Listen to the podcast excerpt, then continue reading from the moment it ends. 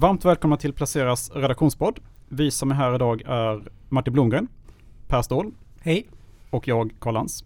Och idag är det fredagen den 19 februari. Och idag ska vi prata om bland annat om högtflygande kinesiska aktier, tyska batteribomber, streamingbolag, Mm. inflationsrädslan som kommer tillbaka till börsen. Och riskviljan vill jag lägga på det. Om, nu när den håller på att toppa. Topplocket håller på att och sprängas. sprängas. Och, och jag tänkte dra snabbt på hur man ska göra när blank, en blankare attack slår till på favoritaktien. Mm, det har du lite egen erfarenhet av nu då. Ja det har jag faktiskt ganska stor erfarenhet av. Vilken, vilken otroligt eh, Ska vi inte bra och formell inledning. Jag tänkte Helt bättre fly än illa fäkta kan man väl säga lite. Tänker jag när du drog din story igen. För. Alltså jag har någon sån här eh, eh, tumregel då har jag uta- utarbetat att man ska ju följa med man ska, ju- man ska ju följa med så länge som möjligt så att Ja. säga upp. Men eh, för att eh, inte bli bränd då på slutet så ska man ju, om en aktie faller mer än 20% på en dag, då är det eh, direkt ur. Då ringer klockorna 20 hos 20%. Lantz. Sälj direkt. Ja. Men jag tänker på en annan sak som jag vill höra lite mer om. Vi var ju med båda i den här äh, hemska historien för, det är ju ett år sedan. Wirecard. Ja, Wirecard. Där ett, någon firma eller några firmor var ute som blankade och Mm. pratade om att det var det fanns skumt. Det var skum. Det var väldigt mycket skumt. Det var väldigt mycket skumt i bolaget. Nu, nu har ju du varit inne i ett bolag till. Det där börjat höjas röster för att det är lite skumt. Ja, fast det här är ju då, Wirecard får man säga var ju ungefär 10 000 resor värre då kanske. För Ja. där var det ju faktiskt dels många, det, det, här- det som har hänt då i E-Hang som då Mm. tillverkar drönarbilar, eller kommer att tillverka det, är ju att det har Just det. kommit, att det har kommit en rapport från en blanka-firma som heter Wolfpack. Mm. Eh, Potent namn får man ändå säga. Där de då säger massa anklagelser att det finns inga kunder och man kan Mm. inte ens flyga de här grejerna kanske. Eller de är väldigt osäkra då. Men Wirecard var ju, var ju då Financial Times faktiskt. Det hade kommit massa sådana här rapporter innan i Wirecard också då. Men till slut kom Financial Times också. Mm. Och det höll sig ändå uppe då i ett par år liksom till. Eh, Så, det var mycket värre än så länge. Men det intressanta med e-hang då är ju att eh, det här är ju en, en eh, bransch som inte finns ännu kan man säga. Så att det jag tänker om den här blanka attacken från Wolfpack är Mm. att det är ju ganska tacksamt att ge sig på just ett bolag som e-hang. För att det, det finns ju inte så mycket och man kan ju faktiskt eh, misstänkliggöra dem ganska mycket. Mm. Ganska lätt. De här grejerna är ju inte liksom godkända Mm. någonstans riktigt. Och eh, dessutom så är det ju, ja det är, det är något som fortfarande växer. Och dessutom är det från Kina också tänker jag. Mm. Lite grann spelar de på det också. Att det finns ju eh, jättemånga bluffbolag som har kommit från just. Kina. Eh, Och de var inne och filmade i någon fabrik då där det inte var någon verksamhet alls. Men de gjorde det då under det kinesiska nyåret när alla är lediga. Och dessutom så har ju då Ian då släppt en, en video, eh, surveillance-video på han som filmar. Och då Aha. visar det sig att han filmar ju så att man just där, man, där det är människor så filmar han liksom åt ett annat håll. Så de kan ha sockrat den här rapporten lite för De har nog sagt det. Jag tänker lite som vi som är journalister. Vi vet till exempel Uppdrag granskning. mm. Hur de kan göra. När de hårdvinklar någonting. Ja man dramaturgiserar det Ja, för att det ja. Man, man går därifrån med en, en känsla av att det här måste vara något galet. eh. Exakt. Och lite så är ju, är ju de här rapporterna också då från Mm. Blankare. Att de drar ju på så det bara sjunger om det liksom. Så att min egen bild då av det är väl att det finns säkert korn av sanning i det. Men det som är den stora grejen är väl att eh, Ihang-aktien har steg för mycket helt enkelt. Mm. Och att värderingen var för hög. Ihang är, är ju då ändå, bevisligen finns ju de här sakerna för att, eh, eller bilarna, flygande bilarna. För att Volkswagens Kina-chef nämnde det faktiskt i en VOD med eh, Herbert Dies då som är vd för eh, Volkswagen. Att han hade flugit med en sån. Jaha. Eh, Och jag tror inte att han skulle nämna det i en, en Mm. offentlig VOD om han inte hade flugit med. Så att eh, frågan är då hur man ska agera som investerare när det här sker. Som sagt, alltså jag själv har ju då regeln att eh, om den faller 20% på en dag, då Mm. säljer jag helt enkelt. Ja, lägger du in någon automatisk stopploss eller du, det är som du själv Nej, det är som- manuellt då liksom det är det och, manuellt, och precis. drar i bromsen? Ja, man drar i bromsen. Det, det är ofta så att även om de här rapporterna inte skulle stämma så är det ju så att det räcker ju att tillräckligt många andra tror Mm. att det stämmer. Av det skälet så ska man ju ofta stiga av när Mm. de kommer liksom. Och som sagt, de har ju ofta någon poäng också. Mm. Men man har inte kursen gått upp för mycket? Om man ska vara lite krass, är inte det ett argument om något? Och, Jo, det är det. Och du vet inte vad det ska vara värt egentligen. Nej. Det är helt Mm. omöjligt att Alltså, säga just nu. vad, vad, har det, vad gick den innan den här stora? Alltså den var ju upp 1300% på tre månader ungefär. Ja, vi pratar tre, ja. Mm. Det Ja, är nu finns liksom- det lite Inte ens bitcoin orkar med sådana uppgångar. Nej, det är väl ganska ovanligt med sådana Mm. uppgångar Mm. faktiskt. Den var ju värderad till lite över 7 miljarder dollar ett tag. Mm. Och de har ju väl kanske som plan att i bästa fall producera tusen sådana här bilar Mm. det här året. Men även om det inte är en, en blankar rapport som utlöser ett sånt här fall utan att det är att, att det dyker upp någonting i ett bolag som är drar åt det fraudulenta hållet. Eller hur man vill uttrycka det. så är det väl inte sällan en bra idé att, att backa undan ganska snabbt. Eh, Ja. Därför att om, om det dyker upp en liten grej så, så brukar det kunna hittas fler. Sen Ja. kanske det visar sig någon månad senare att det var faktiskt ingenting men, men eh, risken neråt är ju ofta så pass stor om det visar sig att det var Ja. inte en engångshändelse att, att det kan vara klokt att dra sig tillbaka lite. Absolut. Ja, men ja, det är precis. Man ska alltid dra öronen åt sig så fort Mm. det kommer något sånt. Eh, b- både av det skälet och att då kanske andra människor tror på det så att säga. Mm. Såvida du inte har någon extremt bra eh, information. Att du vet att det inte stämmer liksom helt enkelt. Att det väldigt, precis, att man väldigt snabbt dementerar det trovärdigt att det inte bara Ja. Jag, jag tänker på en annan sak. Mina tankar lägger iväg redan lite för det, riskvillan är ju super... Det är ju Mm. så hett nu. Mm.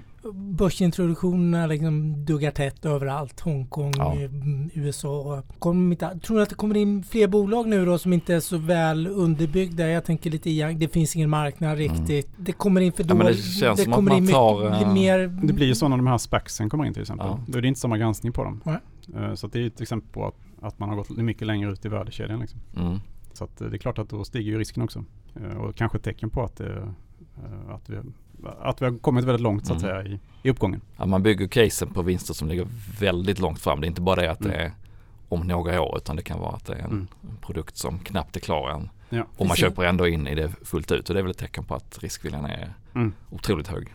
Ja, för det slog mig. Jag kollade på Bofas senaste månadsenkät. Nu, Mm. nu är kassan är den lägsta sedan 2013, Mm. vintern 2013. Det finns inte så mycket krut att ta av om du förvaltar det. För det alla du ligger måste ju ha en redan, liten eh, eh, kassa ändå. Mm. F- Får jag bara avsluta med Ihang snabbt? Men Vi självklart. tar det sista bara. Jag har tänkt på att de, om man ser då värderingsmässigt då, Mm. att de bästa analytikerna de sätter ju en riktkurs på 25 dollar på Ihang. Och den är fort, handlas ju fortfarande då till runt 60-70 dollar. Mm. Och den var ju som mest uppe i 125 dollar. Men det här, det här är då liksom en väldigt positiv riktkurs på 25 dollar. Så, att, så att det säger något om värderingen också kanske. Mm. Eh, och sen är det också då att det som skulle kunna vara en trigger för ett bolag som Ihang det är ju att ARK, som jag vet att du gillar jättemycket Per, Mm. världens eh, duktigaste ETF-förvaltare. De ska öppna en rymd och drönar-ETF Mm. här i mars. Och om Ihang skulle finnas med i den, då kan vi räkna med att det är en trigger för aktien. Och då kommer ju det här att vara borta liksom. Mm. Så att- Mm. Så att det, det kan man ju tänka på då om man, om man eh, Antingen är oron borta eller så är bolaget borta om de om Ja, Wolfpack har rätt. lite så kanske. Mm, åt det hållet. Sorry. Nej, men det är jättebra. Det, det blir lite tankvärt. Jag gillar det. Mm. Mm. Vi hoppar tillbaka till riskviljan. För Ja. den vet vi alla är på topp och det är lite hett. Jag, jag tänker småbolagen har gått som tåget Mm. också. Eh, Det, det är många sådana här mm, signaler på något sätt tycker jag att vi närmar oss kanske en liten topp för den här gången. Och framförallt eh, det som slår mig det är att investerarna tar mm, de säger själva att de tar betydligt högre risk än normalt. Mm. Liksom att man har den medvetenheten då att Man vill liksom krama över det Ja, sista. lite, precis lite det Karl var inne på. Mm. Man vill krama ut det sista. Man kanske inte vill missa. Men du vet hur illa det känns att missa uppgångar liksom. Ja men det är, Det är ju mycket det. värre ju. Fear of missing out. Mm. Den är ju så enormt. Mm. Man mår ju så dåligt Det av det gör ont i här. hela kroppen. Mm. Ja det gör ont i hela kroppen. Ens kompisar står och skrattar liksom med hur mycket pengar som helst. Det, jag tycker marknaden har förbisett lite. Den när kassan är så här extremt låg när den går under fyra i genomsnitt så har det historiskt varit en säljsignal. En kort säljsignal. Okej. För då har Mm. S&P 500 index gått ner Mm. med någonstans 4-5 procent inom en hygglig närtid. Mm. Eh, och den har vi inte sett riktigt än. Vi får väl se. Jag, jag, jag bara... Men vi är ju ner lite, lite grann. Ja. Lite grann har det blivit lite Ja, Sverige. den här veckan har ju varit Mm. lite... Ja, det har varit lite mättnadskänsla tycker jag också i, Mm. i den här veckan. Vi pratade om det med Pekka tidigt. Ja. Inflationshotet. Pekka snackade om att det borde komma i april, maj. Va? Börjar inflationen ticka upp? Den börjar Ja, redan ticka upp nu. räntan i, kanske i höst kan börja närma sig Ja. nivåerna där flödena Mm. lämnar börsen och går till. Och det känns som det här har gått lite snabbare än vad Pekka Mm. trodde. För Mycket snabbare. mm, Turbofart. Tioårsräntan har börjat röra på sig i USA. Inflationen har gått. Mm. Kronuppgången är ju bortblåst i år. Mm. Den har ju liksom Dollarn har börjat stärkas igen, Mm. precis. Eh, Mm. Dollarn har börjat stärkas lite. Eh, Men det, jag, jag tror det kan vara att man, när det gått väldigt bra en tid, nästan alla de här signalerna på att man är på en topp med småsparintresse och Mm. börsvärde i förhållande till BNP och, och låg kassa, allting är på topp. Man behöver någonting att peka på för att kunna ta den här nedgången som förhoppningsvis inte blir stor Nej. med den här mättnaden och då är inflationen en, en kanongrej att peka på att ja, men den är på väg, här är spöket, inflationsspöket igen. Och så kanske vi får en liten sättning där man har någonting att skylla på. Och sen förhoppningsvis blir det kanske inte någon jättesmäll men det är väl inte orimligt att man, eh, att man behöver, eh, man behöver någonting att peka på Mm. för att kunna plocka ut lite pengar. Ja, för nu har ju börserna gått sen den här goda Pfizer-nyheten Ja. i början på november och eh, amerikanska valresultatet. där. Nästan oavbrutet ju. Ja. ja, vi får se. Ja. Nej, jag, vet inte, jag är inte så negativ som Alltså jag tror att det kan komma en liten sättning som du säger men jag Ja. tror att den ändå blir ganska kort liksom. Mm. Ja, det tror jag också. Jag tror Ja, att det upp. Det tror jag också. Jag Mm. tror att man, att man vill ha någonting att, att skylla på eller peka på. Ja. Kan Lite vinstantagningar, det, det vill man göra själv lite. Men då är Ja. ingenting att placera i sen. Liksom. Nej. Du måste ändå in på börsen igen. Så. Inflationen plus det här som i hela industrin nu då med komponentbristen på halvledare gör ju att, att kanske vissa bolags eh, Q1 kommer påverkas av det. Då kan man också peka lite på det. Men det tycker jag egentligen är det inget man ska bli jätterädd för. Det är ett lyxproblem att det går så bra så att inte alla kan få komponenter. Eh, Så tittar man några kvartal fram så är det ju egentligen, då är väl det ordnat och så är det. Men det kan vara inflationsdrivande. Ja det skulle det kunna vara. Skulle det kunna vara. Ja. Vad tycker ni om rapportperioden då?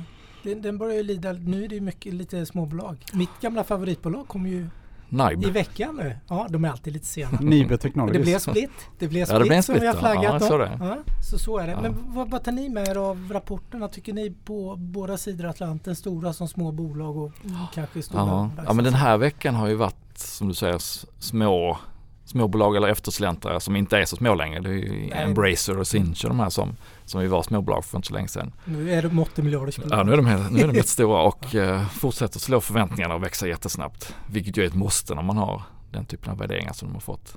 Och Sinch gjorde ett stort förvärv också i, i veckan så att eh, de fortsätter ju pinna på.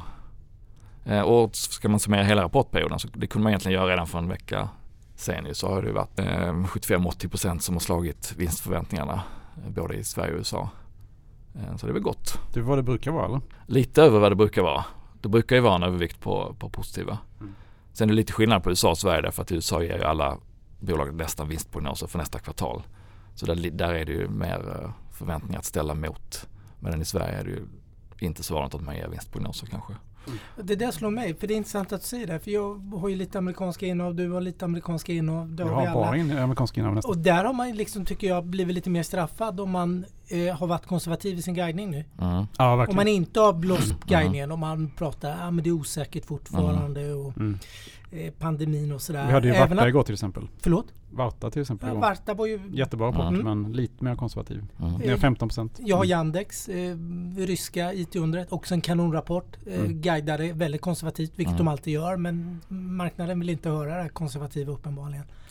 Slår pri- pris, när prissättningen är satt som att allt ska gå bra. Att, att vaccinet är i princip redan inne i, i våra kroppar och, och vi kan öppna upp igen i, i påsk. Då blir ju alla tecken på att ah, fan, det kanske tar lite längre tid än vi trodde.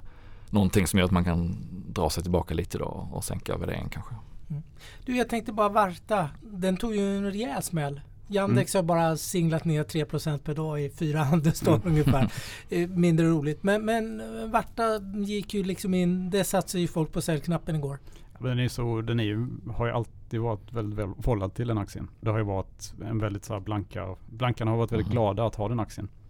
Eh, nu har ju de i och för sig lämnat då i samband med GameStop-grejerna så försvann ju i stort sett alla blankare. Men det är möjligt att de kanske kommer tillbaka igen det, när det, framtidsutsikten ser lite sämre ut. De blev squeezade som det heter. De blev squeezade precis Mm. ja. Men eh, nej men rapporten var ju jättebra liksom. Och eh, de återinför utdelning igen. Och jag tror väl snarare att de, de, de ger en sån konservativ guidning just för att de ska kunna överträffa det. Mm. Nej, men jag tänker på det och de in i EV-segmentet, delbilar som är superhett. Det såg vi bara Volkswagen Ja, de är ju igår. inte det är elbilar ännu då. Men, Nej men, men de har ju möjligheten Mm. att Mm. komma in på det kanske hetaste av Mm. det hetaste Mm. idag. Tänker jag. Mm. Eh, vilket känns kanske som steget inte jättelångt. Man såg eh, Volkswagen igår. Volkswagen. Volkswagen. Eh, Ska knoppa av Porsche va? Ja, de funderar på de det. pratar om. Mm. Det blir spännande. och sen har de signat ett avtal. Uh, signar de med Microsoft. Mm. Ett mjukvaru. Liksom, det behövs inte så mycket för att eh, vissa bolag ska röra sig också. Eh, från den här den lite gamla, Mm. gamla ekonomin. Nej, precis. Jag tror precis att de lyckas eh, om, st- strukturera om sig så att säga. Och det är ju, menar det, är ju, de, det måste de göra för att överleva. Det är samma sak med Daimler ju. De är ju, har ju en svensk vd som är jätteduktig verkar det som. Som ska då eh, knoppa av lastbilsdelen Mm. här snabbt. Det kommer ju snabbt att gå över då också till el, elbilar så att säga och eh, kanske då eh, vätgas också. Mm. Men de verkar ju ligga helt rätt. Apropå batterier förresten. Har du hört talas om Quant, Quantumscape? Nej. Nej, det är ju ett, eh, det hetaste batteribolaget just nu i USA ju. Låter som Jens Bond för mig. Ja, det är ju, de har ju ännu inga batterier då men det kanske ligger några år framåt här. Men eh, Morgan Stanley satte ju rikt, eh, höjde riktkursen jättemycket i veckan och eh, aktien har ju inte riktigt, jag har ju nästan gått upp till den nivån då så att den satte 70 dollar nästa år, handlar 64 just. Men vad har de någon Men teknologi det ska bli en ny, unik? en ny batteriteknik helt enkelt Ja. som ska vara mycket bättre då. Mm. Men det ligger 3-4 år framåt då. Att det är möjligt att använda. Kanske Mm. Varta borde köpa då? Vem vet? Ja det har de kanske inte råd Det- Den är redan värderad till nästan Den är, fjor- ja. 14 miljarder dollar liksom. Ja, okej. Och det finns ingenting ännu så att säga. Det, Det är, där, det är bara så vi jobbar numera. Det är det bara Tesla som kan köpa dem då? Ja. Med andra ord. Ja precis. de Med sina egna aktier. Ja, Mm. ja Med sina, bit, med sina självklart. bitcoin kanske. Ja men de skulle väl eh, släppa ut mer aktier igen nu, Tesla. De, är, Ja, det de har varit duktiga. Det, det måste man ge dem en eloge Mm. för. De har varit jäkligt duktiga på att finansiera Mm. sig på ett smart sätt på den här enorma kursuppgången. Nej men om man ska ta- tillbaka till Varta igen. Det som gör att aktien kanske då är, alltså det som är riskerna med Varta det är ju att eh, dels att det ska komma lågprisproduktion på de här mikrobatterierna. Eh, och sen är det också den här typen av konkurrens då. Alltså är, så fort det kommer någon som är Mm. mycket bättre så slår ju de ut de andra teoretiskt. Sitter de på, på patent och sådär. Så att, jag menar om de här QuantumScape skulle vara mycket, mycket bättre då så är det en, en risk för ett sånt bolag som Varta. Mm. Såklart. Och det är det marknaden kanske tänker också. Ja, för om, om det blir, som alla biltillverkare ser framför sig nu, att det blir elbilar, hybrider under en period och sen så helt och hållet elbilar inom kanske 10, 15, 20 år. Då kommer det vara gigantiska mängder batterier som måste tillverkas och eh, det är klart, är, man, har man rätt teknik där så kan man ju dis, disrupta den marknaden. Absolut. Jag menar om det skiljer liksom flera tio, hundratals kilometer då man kan köra så att säga Mm. på en, en laddning så klart att de... Ja och vikt och kostnad det är ju, eh, det är ju Mm. batteriet som väger Mm. i de där bilarna. Så att, eh, Mm. Kostnaden är ju den kostnaden, stora. ja. Mm. ja, spännande. Något att hålla ögonen på. Absolut. Vad heter det? Quantum? QuantumScape. QuantumScape. QuantumScape. Jag Håll tror ögonen han på det. Jag tror att eh, de har aura. här framstående investerare också Ja. i bolaget. Mm. Som Bill, Bill och de andra. Jag tittade ju på topplistan i USA, S&P 500. Man, när, man, när man tar fram en topp eller bottenlista på börsen då får man alltid information om vad som händer i världen. Det är Mm. fantastiskt. Eh, de två bolag som toppade där då det var Viacom, CBS och Discovery. Två gamla anrika tv-bolag som är upp 59 och 57 procent. Kan man ju tycka är konstigt då. Är det year to date vi pratar om? Ja, Oj. Wow. Ja. Mm. Eh, men tittar man då vad som förklaringen är så är det ju att eh, Disney har ju följt efter Netflix och gjort sin egen streamingtjänst som har varit en supersuccé.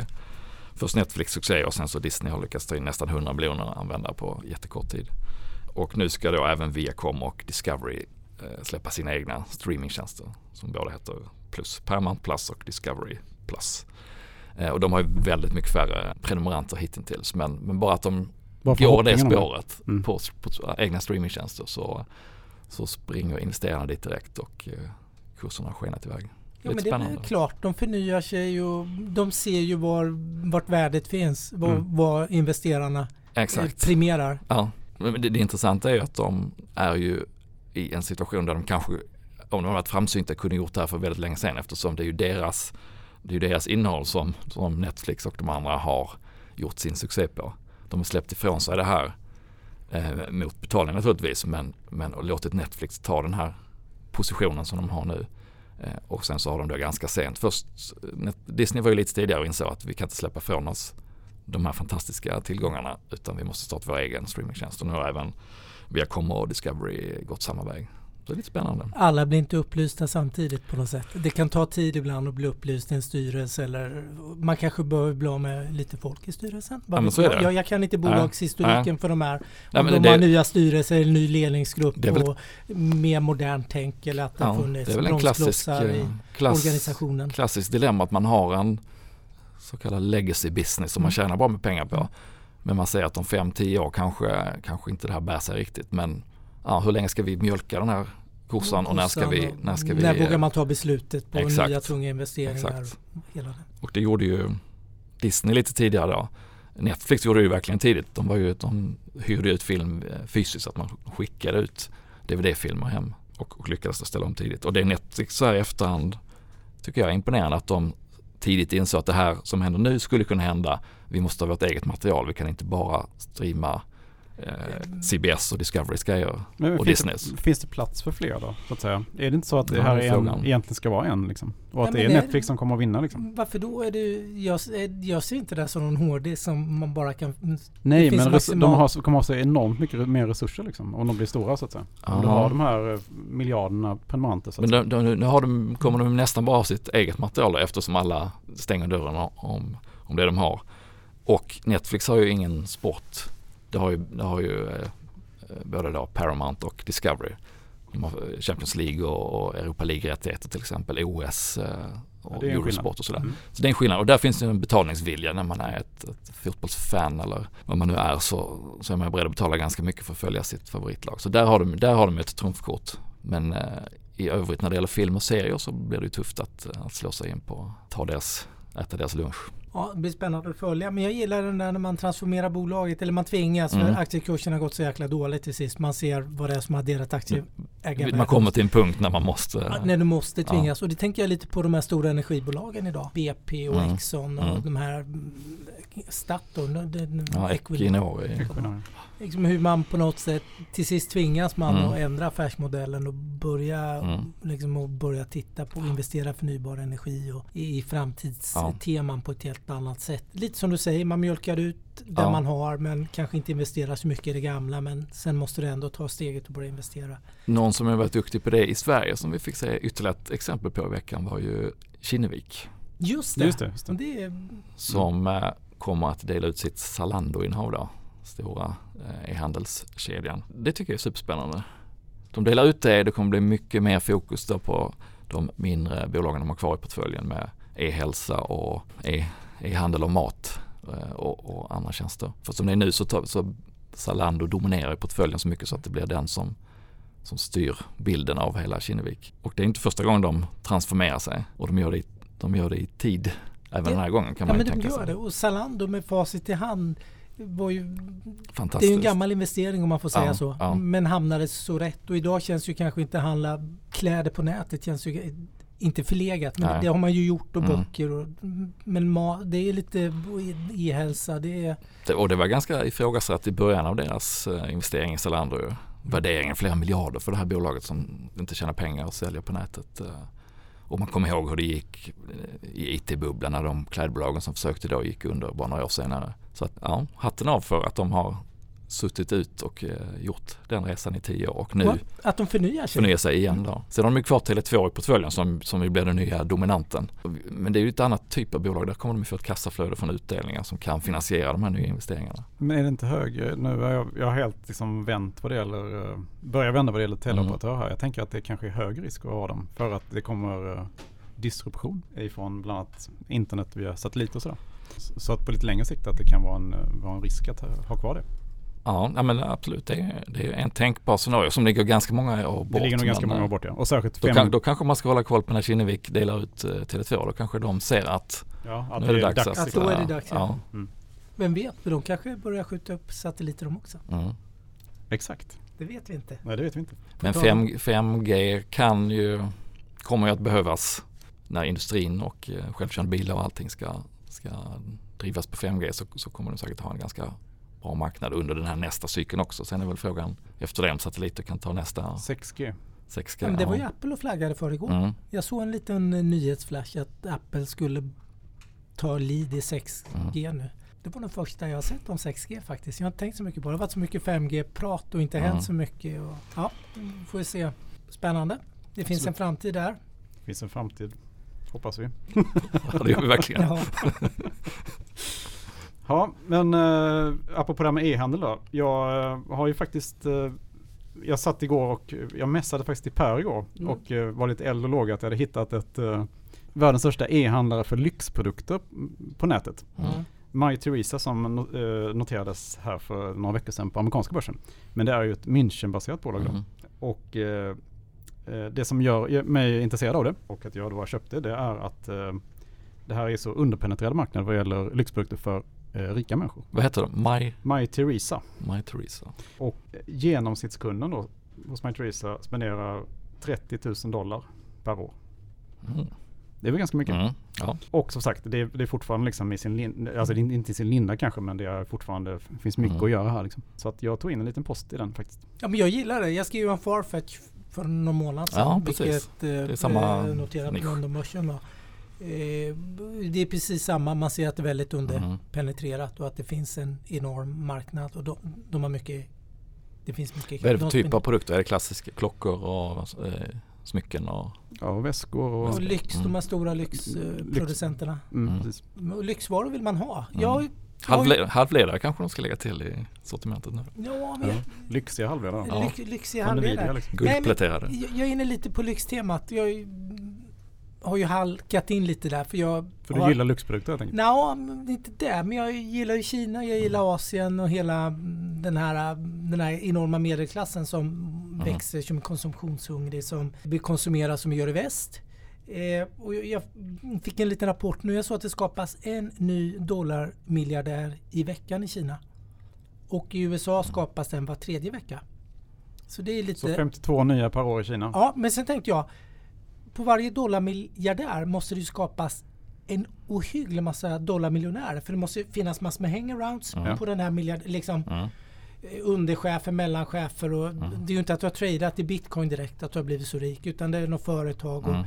Så det måste ju finnas en oas av eh, dollarmiljonärer. Det, då känner jag att Och de vill inte åka, alla vill kanske inte åka till Hongkong för att handla lyxprodukter. liksom. Utan Nej. de vill köpa dem på nätet du istället. vill köpa på nätet och det Mm. ja, lyxprodukter i sig tror jag har en bra efterfrågan. Konsumtion är ju, det är ju, nu driver man ju Kina har ju ställt om hela sin Mm. ekonomi från att vara väldigt så här, industribaserad och stor del av BNP kommer av tillverkning Mm. och nu är det konsumtion Mm. Drivet mycket mer som det ser ut i Sverige och i USA är man ju på väg då så konsumtionen kommer sannolikt Mm. att öka och även den här lyx eller kvalitets... Mm. eh, Det, det är ju inte bara dåligt att köpa lyxvaror heller eller kvalitetsvaror kanske man ska Mm. kalla det för istället. En väska som håller mycket längre Tvärtom. eh, är ju kanske mycket mer hållbart. Och dessutom ett stort andrahandsvärde också. Det är Mm. inget du bara slänger i soporna liksom. Och sen är det väl väst, västvarumärken står väldigt högt i kurs för när man ska visa då eh, att man Sin har blivit den här nya Ja. dollarmiljardären. Ja precis. Ja. För annars hade man kunnat tänka sig att om det var kinesiska lyxmärken som gällde där då hade det kanske inte eh, stängt skvätt över på, på de klassiska lyxvarumärkena i Europa. Men, men det är ju de fortfarande som man vill visa att man har råd med. Och det tar vi oss in, nu har vi tagit in i Kina då. Efter Ihang så har jag Mm. hittat att det finns ju väldigt många intressanta eh, elbilstillverkare i Kina.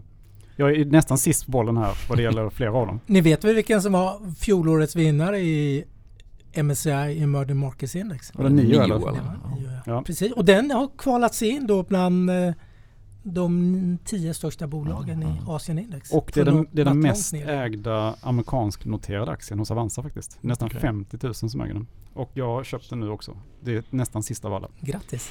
Eh, och sen har jag tagit in Li Auto och Xpeng också på Mm. Elbis-racet i Kina. De är kanske lite mindre kända då, men bara för att jag inte ska missa någonting. Men väldigt små poster. Mm. Eh, sen har jag köpt lite så här kinesisk eh, fintech också i form av Foto Holdings och One Connect Financial. Var är de här noterade? För de är noterade på amerikanska börsen allihopa. amerikansk Jag, jag handlar inte på kinesiska börserna direkt. Så. Nej, det var det jag, blev, jag tänkte. One, mm, ing- Ingen direktlina till nej, eh, till Hongkongbörsen. Kinabörsen. Nej. nej. Tyvärr alltså. Det hade varit kul i och för sig.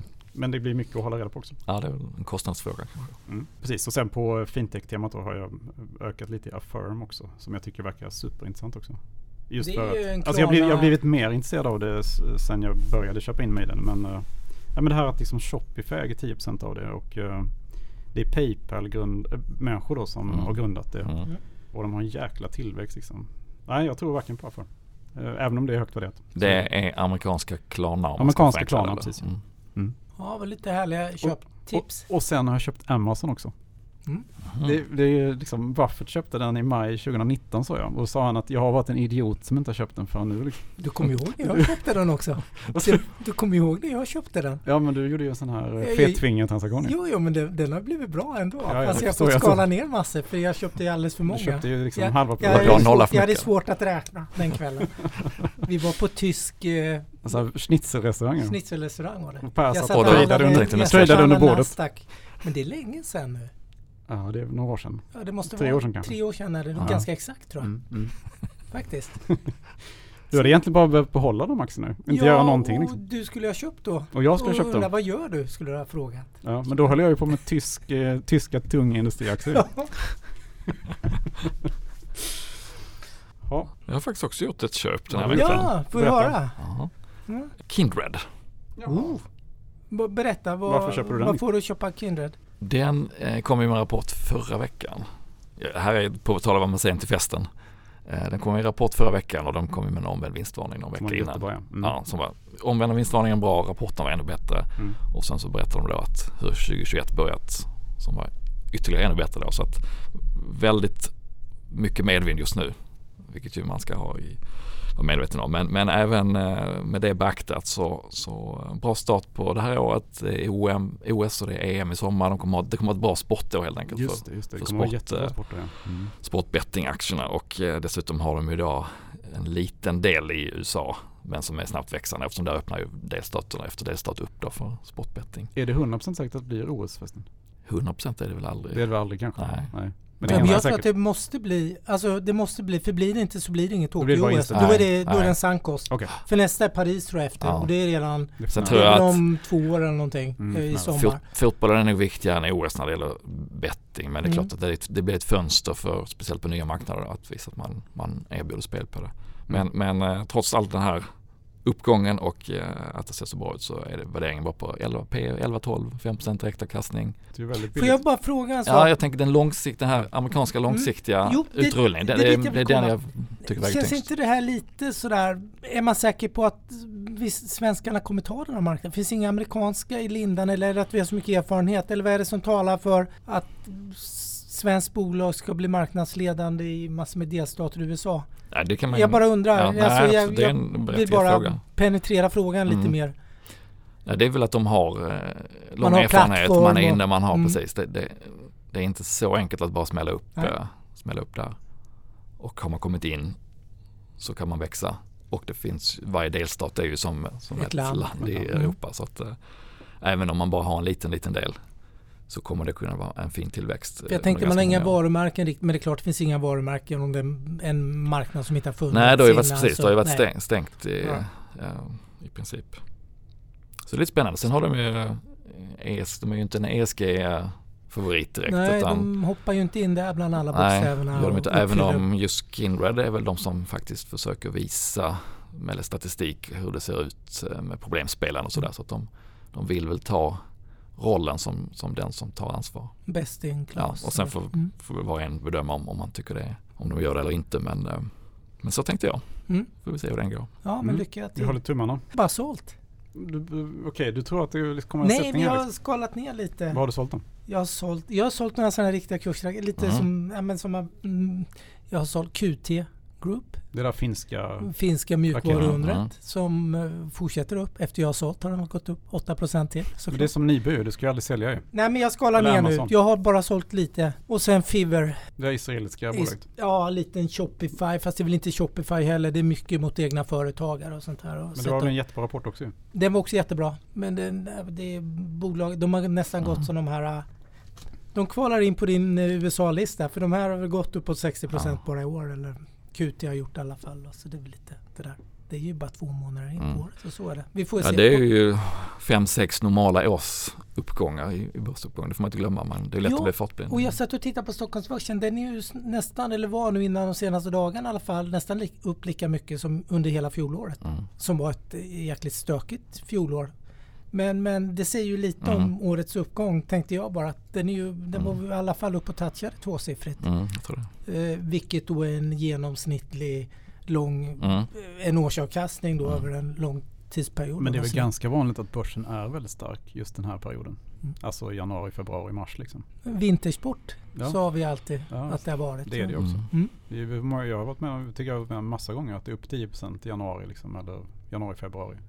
Och att det sen liksom eh, blir tröttare. Ja men det år. där är bra. Det kommer ju in på riskvilja temat då. Mm. Då kanske riskviljan ska vara lite hög i en, två månader till. Ja men framåt maj, det är ju den här Ja. klassiska. Ja, senast. i Ja, senast. Och det kan vara lite halvtrångt ut för det är många inne nu. Mm. Mycket pengar inne. Så eh, man kanske ska skala ner om två månader. Ja, fast samtidigt, om man, samtidigt är det ju så här, man ser ju inte att det ska komma något jätteras liksom. Det är i så fall en liten sättning liksom.